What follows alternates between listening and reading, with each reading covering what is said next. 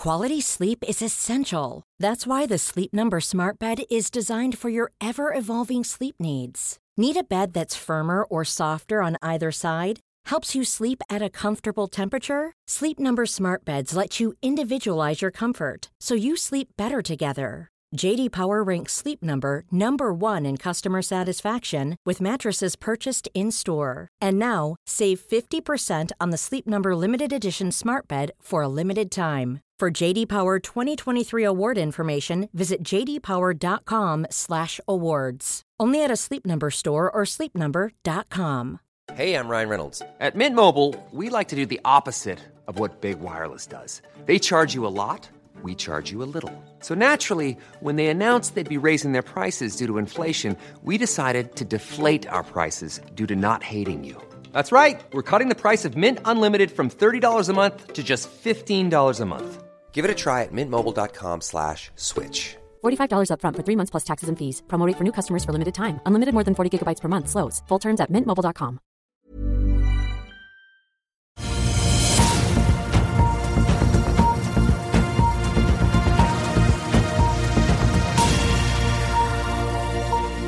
En riktig god onsdagsmorgen alle sammen, og velkommen til Børsmorgen her hos oss i Finansavisen. Mitt navn er Marius Lorentzen sammen med aksjekommentator Carlo Johan Molnes. Det er blitt 20. desember. Vi er på plass her på Smestadammen i Oslo. Britisk inflasjon faller langt mer enn ventet, og mens desember altså har bikket opp i totallet, så har altså britisk inflasjon bikket under fire. Equinor gir grønt lys for sitt tredje internasjonale olje- og gassprosjekt i år. Vi får tall fra General Mills og Micron i dag.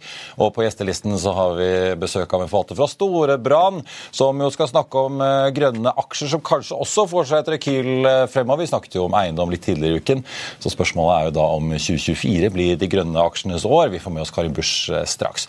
SMP kutter guidingen, eller ratingen får jeg si, på Heimstaden Bostad ned fra trippel B til trippel B minus med negativ outlook. Og visekonsernsjefen Kristian Fladeland er ute og sier at de jobber med å få trippel B tilbake.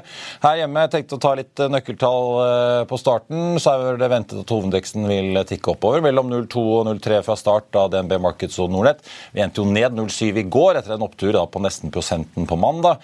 Både Equinor og Frontline falt eh, drøye 2% etter en solid oppgang for begge to da, for to eh, dager eh, siden. Wall Street endte opp mellom 0,6 og 0,7 på de tre store indeksene, så det sentralbank- og drevne rallyet vi har sett egentlig vare helt siden november, men bare forsterket nå etter rentemøtet forrige uke, ser ut til å holde.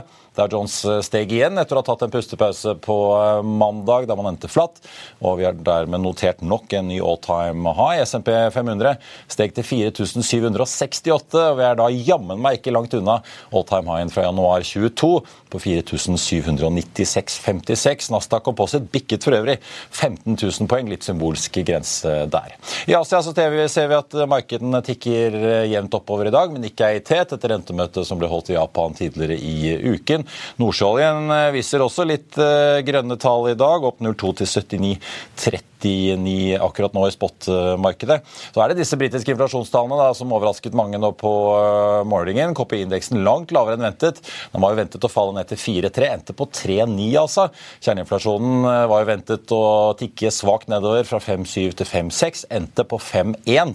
Mens vi jo i Norge ligger på 5,8 for tiden. Og det gjør jo da kanskje inflasjonstallene i USA, PC-tallene på fredag, litt ekstra spennende. Ellers så er uh, Avinor ute med en melding. De risikerer jo nedskrivninger på et tosifret milliardbeløp hvis ikke de får landet disse finansielle tiltakene de har ønsket seg. De meldte sendt i går at de nå har fått vedtak på at de fortsatt slipper unna egenkapitalkravet sitt på minst 40% ut av hele 2024. Og så skjer det ting med Norges største selskap. Equinor satser videre i Mexicogolfen i USA. De gir nå grønt lys og skal bygge ut Sparta-feltet, der Shell er operatør. Equinor er jo snau halvparten av det feltet, et funn som ble gjort i 2012. Det nye anlegget skal etter planen da kunne produsere 100 000 fat dagen eh, fra feltet som de regner med inneholder en drøy kvart eh, milliard fat eh, oljeekvivalenter, og produksjonsstarten er satt til 2028. Gitt at Equinor produserte snaue 150 000 fat dagen i tredje kvartal, så kan jo da dette feltet gir en ganske bra vekst eh, fremover. Øke dem opp til 200 000 fat, alt annet like. Feltet bygges eh, for øvrig ut med nøyaktig samme feltdesign og plattformdesign som den halvt nedsenkbare plattformen som Shell bruker på Vito-feltet, der Equinor også er eh, med, som de også da skal bruke på Whale-feltet når det kommer. Dette er for øvrig da, som jeg nevnte, det tredje prosjektet som Equinor gir grønt lys til utenlands i år, og kommer da etter Rosebank på britisk sokkel og BMC33 i Brasil, som jo etter hvert også skal få seg et nytt Eh, navn. Da skal jeg si eh, god morgen til eh, Karl Johan. Før vi skal snakke om grønne aksjer, Karl Johan, må vi snakke litt om Fedex og Rødehavet og litt andre ting som rører seg også. Fedex falt nesten 10% i etterhandelen i går på tallene sine. Ja, er, De har allerede kommet til andre kvartal i rapporteringen sine, og inntektene er ned med 5% så langt i år. og, og Guidance er da for at eh, det skal være 5 eh, rundt 5% ned, altså low single digit eh, når året er omme. Så det må vi regne med at det fortsetter å falle. Og mm, Estimaten har vært at de skulle ta igjen dette tapet, og at det skulle ende flatt for året. Det er klart det, det, er flere ting som gjør dette, men det er jo fordi at Amazon da ekspanderer veldig sterkt på flyfrakt og tar markedsandeler. Og de har jo også en veldig tøff konkurranse fra UPS. Dette er et tøft marked. Men det mest bemerkelsesverdige her er at aksjen er på P16 etter dette her, og uten salgsanbefalinger. Det er 21 kjøp og 15 hold, på tross av det enorme konkurransepresset der inntektene går ned. Så Fordi Amazon driver mer og mer frakt selv? Eh, ja. ja. mer og mer. Og, og, eh, de tar jo da andeler fra alle. ikke sant? Når du gjør det, så det er jo alle som mister andeler. Det er jo ikke, sånn, eh, det er jo ikke bare de som, som de sier opp kontraktene fra, liksom, for de tar jo da fra Da blir det mer konkurranse. ikke sant? Så.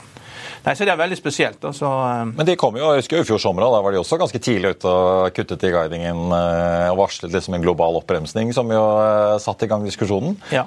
Nei, så det er, jo, eh, det er jo et selskap som eh, Jeg tror UPS er regna for å være litt bedre styrt, da. Men eh, FedEx nede i Memphis er ikke regna for å være så godt styrt. og Jeg har ikke sett noe på lønninger, men UPS-arbeidere får jo nå 170 000 i total kompensasjon, så det er jo en, det er jo en dyr business å ansette folk i dette. Men det er mange rare trekk ved denne sektoren, og, og spesielt at det er ingen salgsanbefalinger på at inntektene går ned. Så er det jo en salgsprosess på gang i, Tyskland nå. DB skjenker ut av Deutsche Bahn, eh, så jeg, som jo kan bli en interessant deal til mange milliarder. Ja, nei, det er, det mange bevegelige deler her. Så det skjer ting i logistikkbransjen. Du, Apropos logistikk, skal vi snakke litt om uh, Rødehavet. Jeg så Valenus Wilhelmsen var ute med en melding i går og sier at de nå styrer unna og er i dialog med kundene om uh, hvordan dette påvirker frakten av, på Roro, da, altså rullende kjøretøy. Men de venter jo én til to ukers forsinkelser med økte seiletider. Jeg traff på en i LNG-bransjen i går som bare smilte ja. over uh, rateutviklingen. Uh, Tor Svelland i Svelland Capital var vel ute og sa at LNG er en av vinnerne her òg. Ja, men man be careful what you wish for. ikke sant? Det, både, det betyr jo at både inflasjon og renteoppgang og nedgangskonjunktur er jo på vei til deg i en båt rundt, rundt Syd-Afrika. Så det, det, får jo konsekvenser. Du kan ikke holde på å trykke på med sånne overraskelser helt til uten at det, det slår i økonomien. Da. Og da, da da smeller det i sikringsboksen. Um, og Europa er jo ganske nedtrykt fra før. Da, ikke sant? Tyskland, eh, Tysk økonomi sliter. og det er jo bare Hongkong stort sett som har det verre enn Tyskland på økonomien nå. Så jeg vet ikke helt hvilken effekt det får på USA. da. De er jo energiuavhengige, så det, det blir jo ikke så ramma. Og båtene fra Kina med varer de går jo bare over Stillehavet inn til Los Angeles og Portland. da. Så det blir ikke så mye rammer. Så det er jo Europa som blir ramma på dette her. Så det er jo Vi får følge med. Vi snuser på 80 dollar fatet igjen. Jeg så shippingindeksen steg jo litt over nesten 4,5 eh, i forgårs, ned 0,6 i går. Ser ut som den starter opp eh, en drøy prosent nå, med en hovedindeks som starter opp en halv eh, prosent. Men vi har jo sett Frontline og Hafnia ligge godt oppe på omsetningslistene, så det er jo stor interesse her, da. Ja. Men det er mm, veldig mange som jobber med investeringer og har ikke opplevd en nedgangskonjunktur her. og vi, vi, som har vært gjennom både én og to og tre, vet at det, det, er ikke noe hyggelig den dagen den banker på døra. Altså. Da, og det sier bare stopp. altså. Da er filmen slutt, og det må eh, Ja. Det får en del konsekvenser. da. Så. Ja. Du, eh, vi skal straks snakke grønne aksjer, men ja. Eh, før vi tar inn gjesten, tenkte jeg bare å nevne aviskommentaren din i dag. Ja. Du er ganske hard med sol på tak. Tidenes dummeste idé. Det er, jo, det er jo bare tallene. Tallene viser jo det at de, de tjener jo ikke penger. og Tidenes dummeste industri, ikke tidenes dumme ja, idé. Nei, det er jo, du har jo sånn som da Sun Power holdt på i 26 år. eh, og når du begynner å ta det, så begynner de å fuske med regnskapen da, i 2021. Da, så kommer jo revisoren som blir oppdaga. Og nå, det er jo ingen, sannsynligvis har skjedd nye revisorer har kommet inn, de vil ikke ta i dette. her, Så de får ikke godkjent regnskapene, og dermed forfaller all gjelden. Altså, eh, jeg tror det at eh, jeg tror dette var en industri som egentlig bare skulle blitt en liten hytteindustri. og vi har jo eksempler, Der er jo et selskap i Bergen som er veldig flinke til en liten familiebedrift. og De får ut til å gå rundt og tjene penger. Så jeg tror det, det går fint an å gjøre dette til en liten industri, bare du har kontroll på kostnadene. De importerer solcellene sine sjøl. Men de selskapene som gjør dette her til et børsspill, da, og, og sender aksjene opp med 20-40 ganger da, fordi de lyver på regnskapene, og du etterpå må gå og nedjustere inntekten med 200 millioner det har, vært, det har vært for mye svindel relatert til dette, rett og slett. Som uh, Sveo sier, det har vært grisete på en del av disse utenlandske selskapene. Ja. ja. Så det, nei, så det, er, det er bare rett og slett tallene. Det er, og heldigvis da, så Storebrands fossilfrie fond da, de, de, har jo holdt seg unna dette her. Da, så de er, mye, de er mye flinkere. Da, så det... Ja, eh, det gjelder å velge riktig. Dette kommer jeg til. Jeg tenkte bare skulle nevne, Hvis man titter på NVEs eh, prisestimater på de ulike energiformene, så ligger jo eh, private solanlegg på taket da på 116 øre kilowattimen. Ja, du, er jo, du er jo langt over kjernekraft. Sol på land er jo halv pris i disse klart, store utility-anleggene som Energeia driver med. For, hvis du driver med å montere solanlegg på takene på på Sotra, både på disse store husene som er der, og på Kiwi-butikken. Det er klart at eh, alle der, veldig mange de jobber jo i Subsyn da, ikke sant, og møtes på Sartorsenter og på Kiwi-butikken, og de har jo enormt dårlig samvittighet. da, og det er klart at det er mye lettere når de to ukene du er ute på havet eller ute på båt, at, du, at ungen, du vet at ungene dine ikke blir mobba hjemme. For du har jo sol på taket, og Kiwi-butikken der det handler, jo sol på taket. Og da spiller det ingen rolle hva det koster. Det er den type kunder du må ha skal du tjene penger på solanlegg. Det er Folk, ikke, det er ikke kostnadene spiller noen rolle. Kan sende regning etterpå, da går du med overskudd. Men når du skal begynne å fly med droner, og så skal du ta mål, og så skal du lage anbud, og så viser det at anbudet er altfor lavt, ja, da taper du en milliard for hver to milliarder du har i omsetning, sånn som noen av disse selskapene holder på med. Det er bare tull. Jeg hørte på NRK på radioen i morges. Det er jo mange som sliter med mye feil. og En del tilsyn viser at det er litt uh, greier på disse solanleggene. Det er farlig også. Så det har vel gått litt uh, stokk over stein. Jeg tenkte jeg bare skulle si, jeg husker jo på, var i Stavanger på ONS for ti år siden. Ja. Det slo meg hvor mange Teslaer det var rundt den byen der. Eh, ja, ja. Men det har vel litt med fergepriser inn og ut av byen òg? Ja, ja. så kjører man jo litt lenger. Da, ikke sant? Det, er jo ikke, det, det, er jo en grunn til at de har innført gratis buss i Stavanger. Det har ikke vært så godt utbygd kollektivt. Altså, byen har ikke blitt bygd ut for kollektiv. Det er bygd ut som en amerikansk by. at det, Man har bare bygd ut ting, og så har man tenkt på kollektivtrafikken etterpå. Norges svar på Houston på mange måter.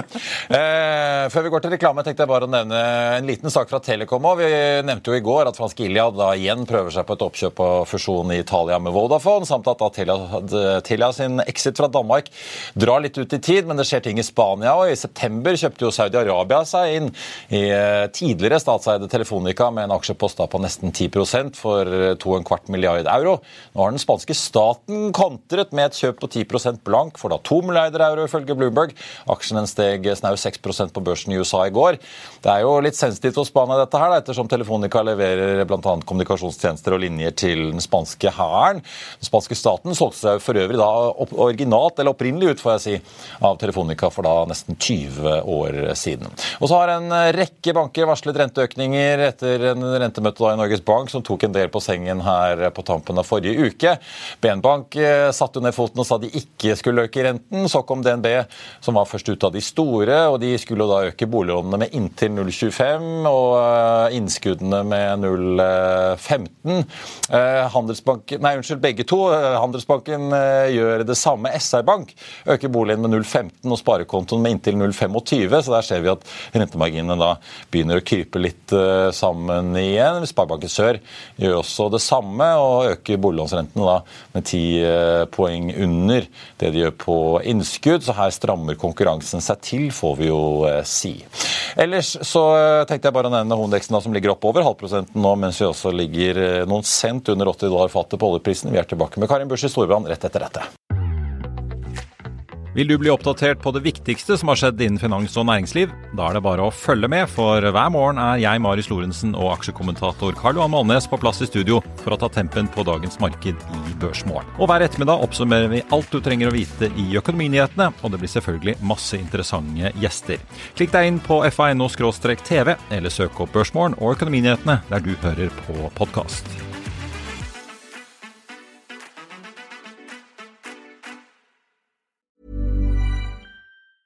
Many of us have those stubborn pounds that seem impossible to lose, no matter how good we eat or how hard we work out. My solution is PlushCare.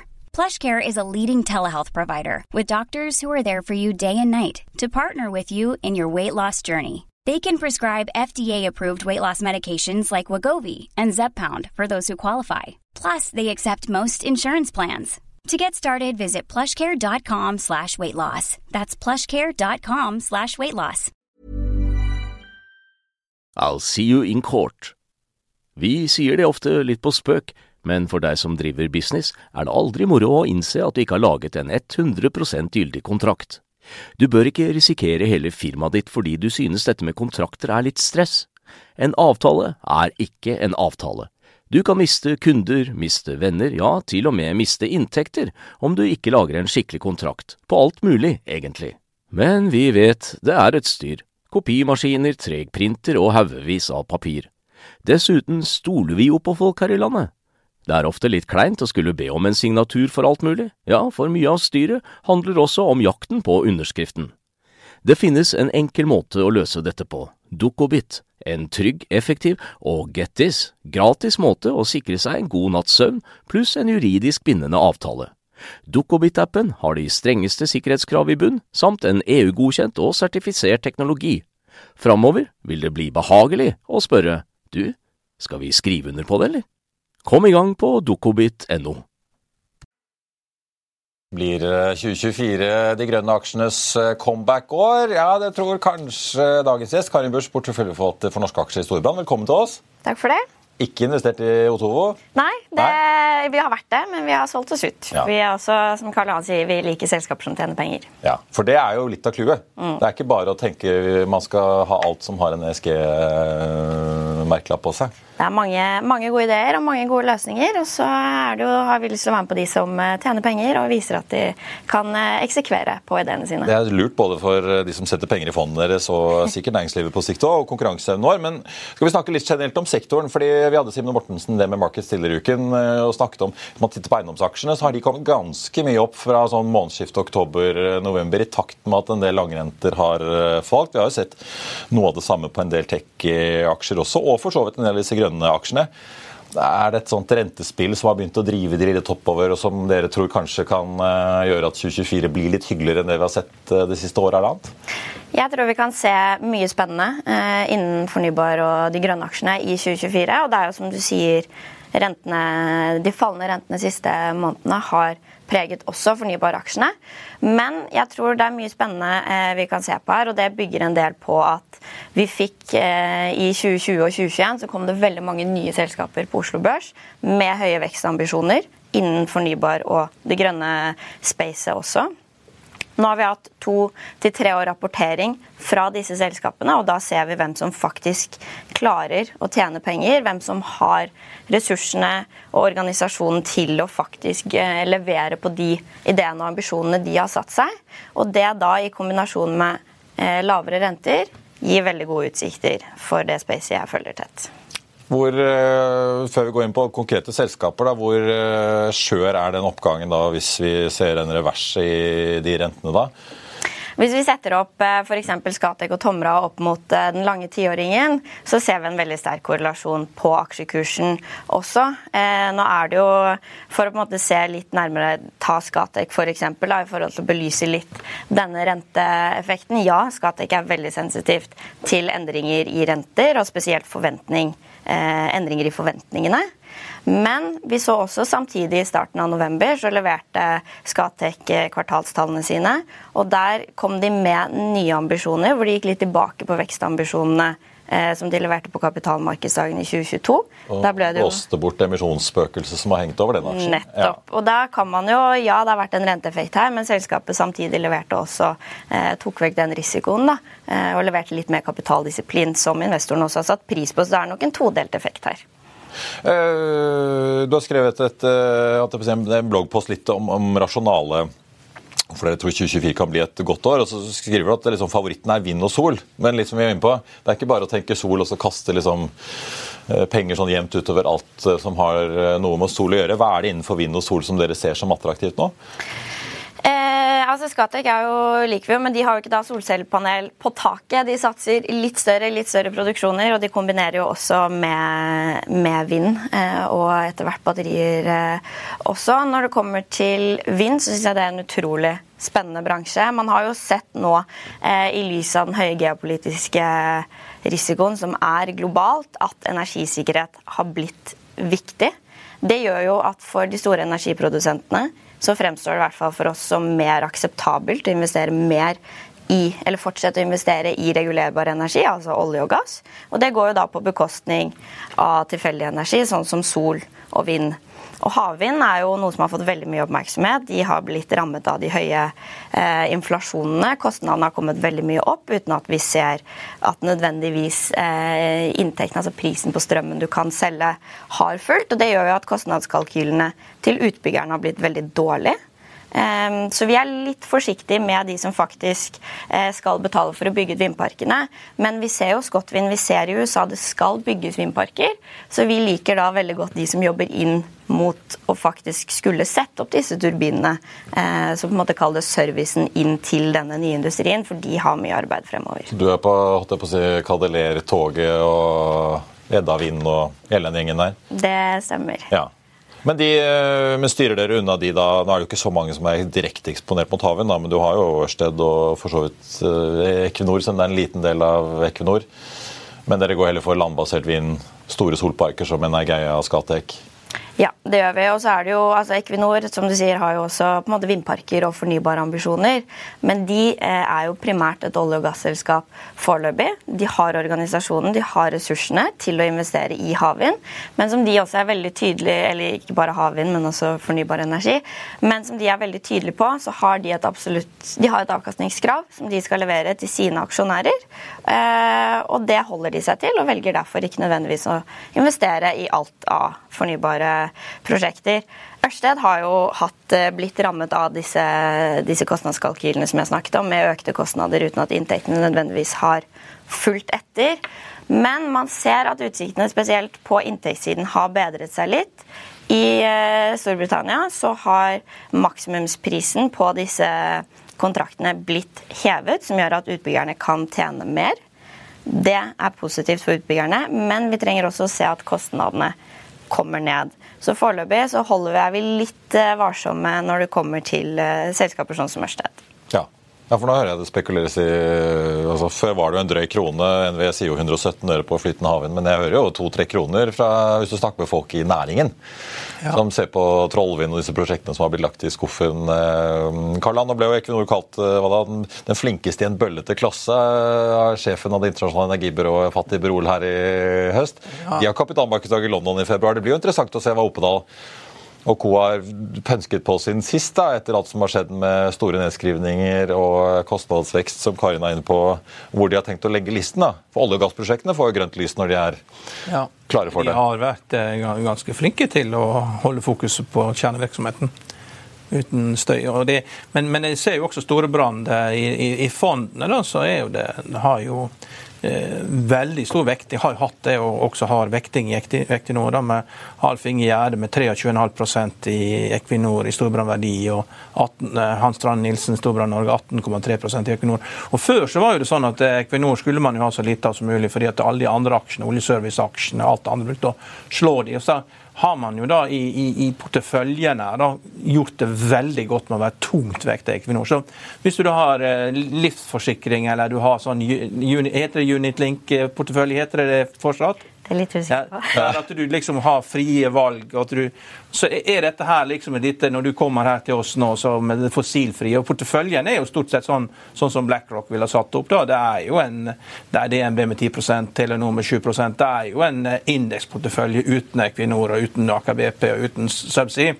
Vi har jo hatt en gjest der fra Eika som har sagt at han er veldig bekymra for hvor raskt estimatene i Equinor kan komme til å falle, fordi at det, det diskonteres altfor høye gasspriser. Og, og, og, nå tar jo og I og med at det har vært så stor suksess med å ha Equinor i fondene til både Storbrann Verdi og Storbrann Norge, så er jo ikke, de, de vil jo ri det toget. Da, men de som er sjøl bekymra, det er jo ikke så mange som gjør endringer i pensjonsporteføljen. Jeg har sjøl erfaring med det å sitte og passe på det i et selskap. og det, det, er nesten umulig å få folk til å gjøre forandringer, selv om de burde gjøre det.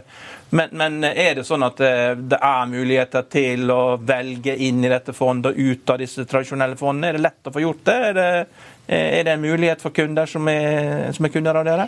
Det skal absolutt være mulig for kundene å velge hvilke fond de, de, ønsker å investere i. og det er jo litt det som er, jeg synes er spennende med Storbrann Norge Fossilfri, er at vi nettopp ikke har Equinor, Aker BP og, og selskaper relatert til oljeindustrien. Så man har muligheten til å kjøpe et aktivt norsk aksjefond hvor du ikke finner Equinor, som er såpass stor andel av indeksen.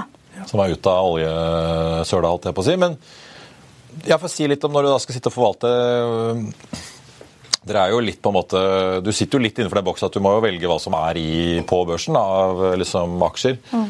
Er det liksom, Karl Johan er inne på at uh, da blir man på en måte nødt til å sitte med en god del DNB, Telenor, eventuelt Hydro og en del av de andre som ja, de driver ikke med olje og gass direkte, liksom. Men uh, så lenge de innfrir og har en 2050-plan, så, så, på en måte må de nesten inn pga. størrelsen deres.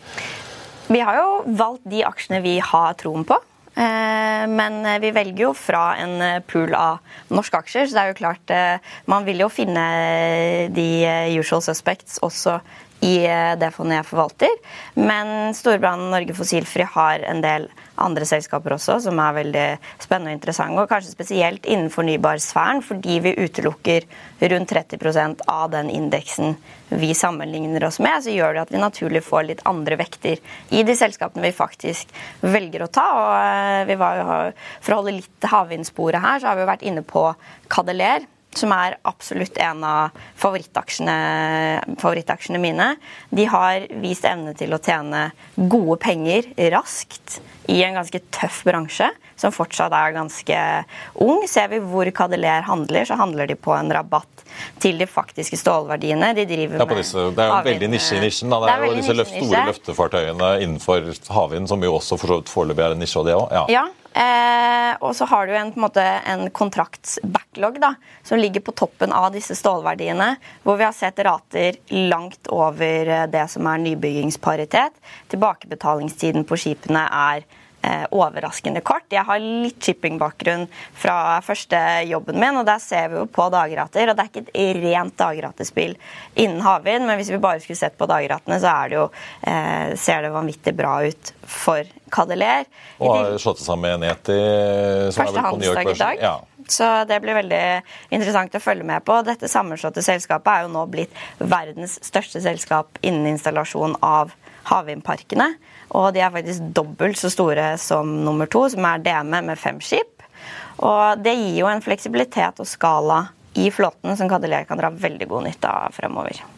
Og Dere er glad i Bonheur også, ser jeg som dere mener prises til en eh, betydelig rabatt også. Hva er det dere ser der?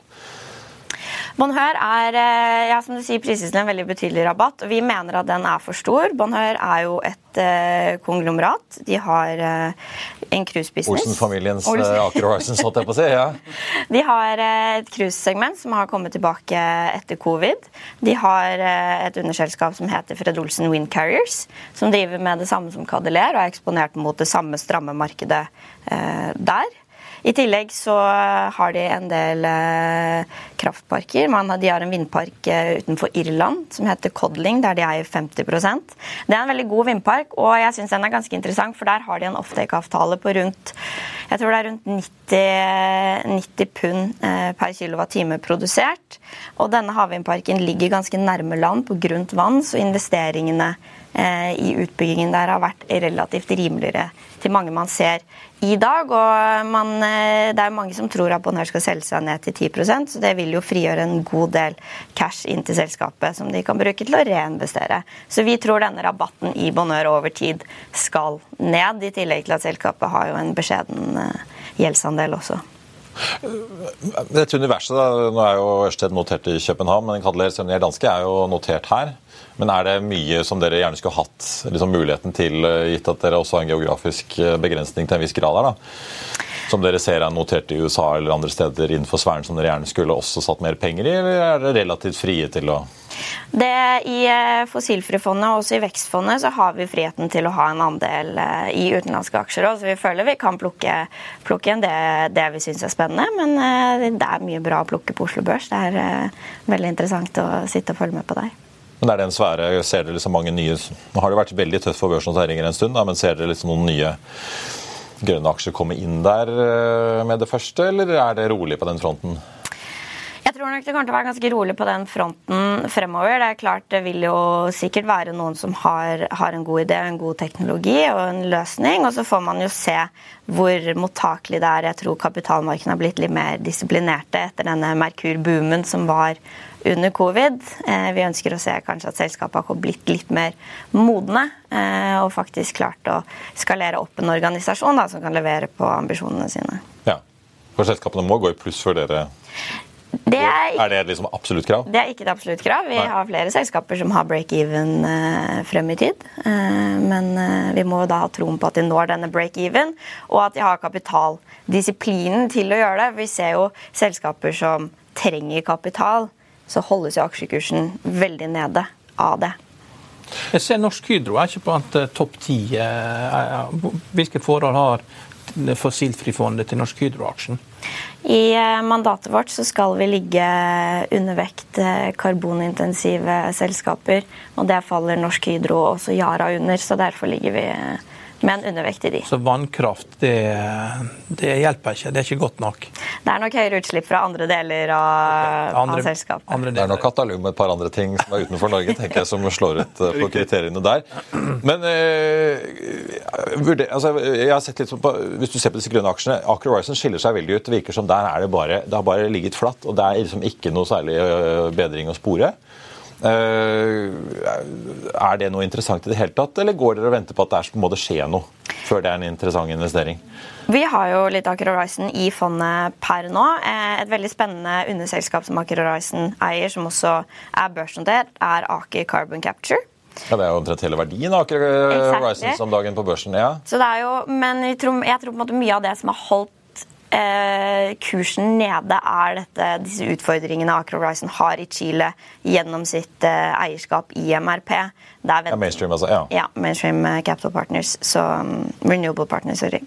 Men eh, Og der det er vanskelig å se på en måte at det kommer noe rask løsning der. Eh, men vi har det i porteføljen, og det begynner å bli en såpass billig aksje at det begynner å bli et, eh, et godt lodd som, som, potensielt kan gå. Da, og jeg tipper, håper kanskje at det er Aker Carbon Capture som skal bidra litt til det. Sikrer seg stadig nye kontrakter, og så blir det interessant å se Karl Hans spille da litt som du var inne på, eh, Equinor og etter hvert også Exxon driver jo med en del CCS, karbonfangst, og driver utvinning av litium til elbilbatterier og greier. og de, de, prøver jo å selge seg inn som brede energiselskaper hvor du som får alt, da, og en litt sånn uh, reise med god omstilling. Spørsmålet er om den uh, reisen som har vært langt bedre hvis du har sittet på hos Equinor enn hos Ørsted den siste tiden, Nei. om det blir det samme det neste året òg? Man skjønte at Aker Horizons Mainstream hadde store problemer og de med åpne øyne så på en fusjon med vindturbiner i i Ukraina, da tenkte jeg OK, da, dette, dette er nødt til å være ille. Ja. ja, med NRP tenkte du på, som de takket nei til? Eller? ja. Vi får uh, følge med. Er det litt, der Jeg nevnte jo bare for å ta Equinor og Exxon og disse, da, som tross alt har en god del, og særlig CCS virker jo å suse opp, uh, som Aker Carbon leverer inn til. Når kan de eventuelt slippe inn hos dere? Eller kan de det i det hele tatt? Eh, For Det har jo vært en stor diskusjon liksom, hva er egentlig best å satse på også som investor. tenker du da Equinor eller Aker Ja. Carbon Capture? Nei, altså Equinor og disse etter hvert, da, til og med de amerikanske Exxon og Chevron som satser mer på karbonfangst og bredder seg ut. Slipper de noen gang inn hos dere? For de har jo solgt seg inn som at dette er liksom den beste, beste, beste betten i byen. Fordi at du kan sitte både og tjene på det som tjener penger i dag, men være med på det som kommer. For at vi skal ha, ha de inn i fornybarfondet, så skal i aller høyeste grad størstedelen av inntektene være fra fornybart. Og det ser vi jo et, Det er et mye mindre selskap, men et selskap som heter Magnora. De har jo på en måte flyttet seg fra å være eh, et eh, oljeselskap med disse flytende, ja. yes, flytende produksjonsplattformene sine, og over til å bli på en måte et mer rendyrket fornybarselskap. Men de har fortsatt noen av disse flytende plattformene eh, som genererer inntekt eh, under 10% men fortsatt over 5% som er vår terskel. Og da kan vi ikke ta det inn i fondet. Så det er vi absolutt strenge på. Så ga- ja, Lisensinntekter fra gamle FPSO-er eh, blir eh, Diskvalifisert. Det er diskvalifisert, ja. Det er ikke lett. Karin Busch, tusen takk skal du ta for at du eh, kom til eh, oss. Jeg tenkte bare å nevne på eh, tappen av sendingen at TGS melder i dag at de har blitt tildelt en OBN-undersøkelse i Nordsjøen med varighet på tre måneder. Prosef også ute med en oppdatering på flåten der. En utnyttelse på rett under 50 da i november, ned fra 57 i oktober. Ellers så skriver selskapet at de ser en økning i forespørselen fra kunder på både norsk og brasiliansk sokkel for tiden. ABG er ute med en oppdatering. De har tatt opp dekning på eh, Northern Ocean, hvor de startet med en kjøpsanbefaling og kursmål 1350. Den endte i går på 990. Norconsult, der er Carnegie ute og tar opp dekning med en kjøpsanbefaling og kursmål 30. Den endte da på 22,20 i går, og ble jo da tatt på børs eh, for 19 kroner. Meglerhuset var jo da for øvrig blant tilretteleggerne også med på eh, denne stabiliseringsrunden i etterkant. Carnegie er også ute med litt oppdateringer på sjømat. De kutter kursmålet på Lerøy med 9 kroner ned til 49, gjenta kjøpsanbefalingen. Også på Grieg så tar de ned kursmålet med en femkroning til 61 og opprettholder salgsanbefalingen. Det var børsmålen for den onsdag 20. desember. Husk å få med deg Økonominyhetene 14.30. Da skal vi snakke om eh, bilåret både 2023 og ikke minst også hva vi kan vente oss av bilåret 2024. I mellomtiden så får du som alltid siste nytt på FA1 om hele dagen. Ha en riktig god onsdag alle sammen. Vi ses.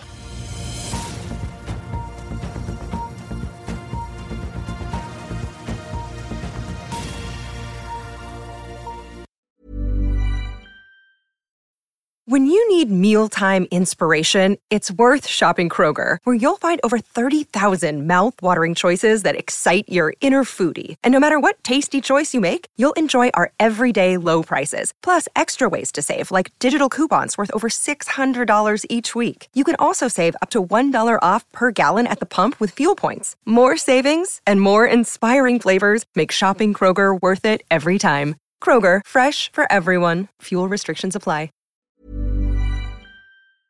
Økonominyhetene er en podkast fra Finansavisen. Programledere er Marius Lorentzen, Stein Ove Haugen og Benedikte Storm Bamvik. Produsenter er Lars Brenden Skram og Bashar Johar.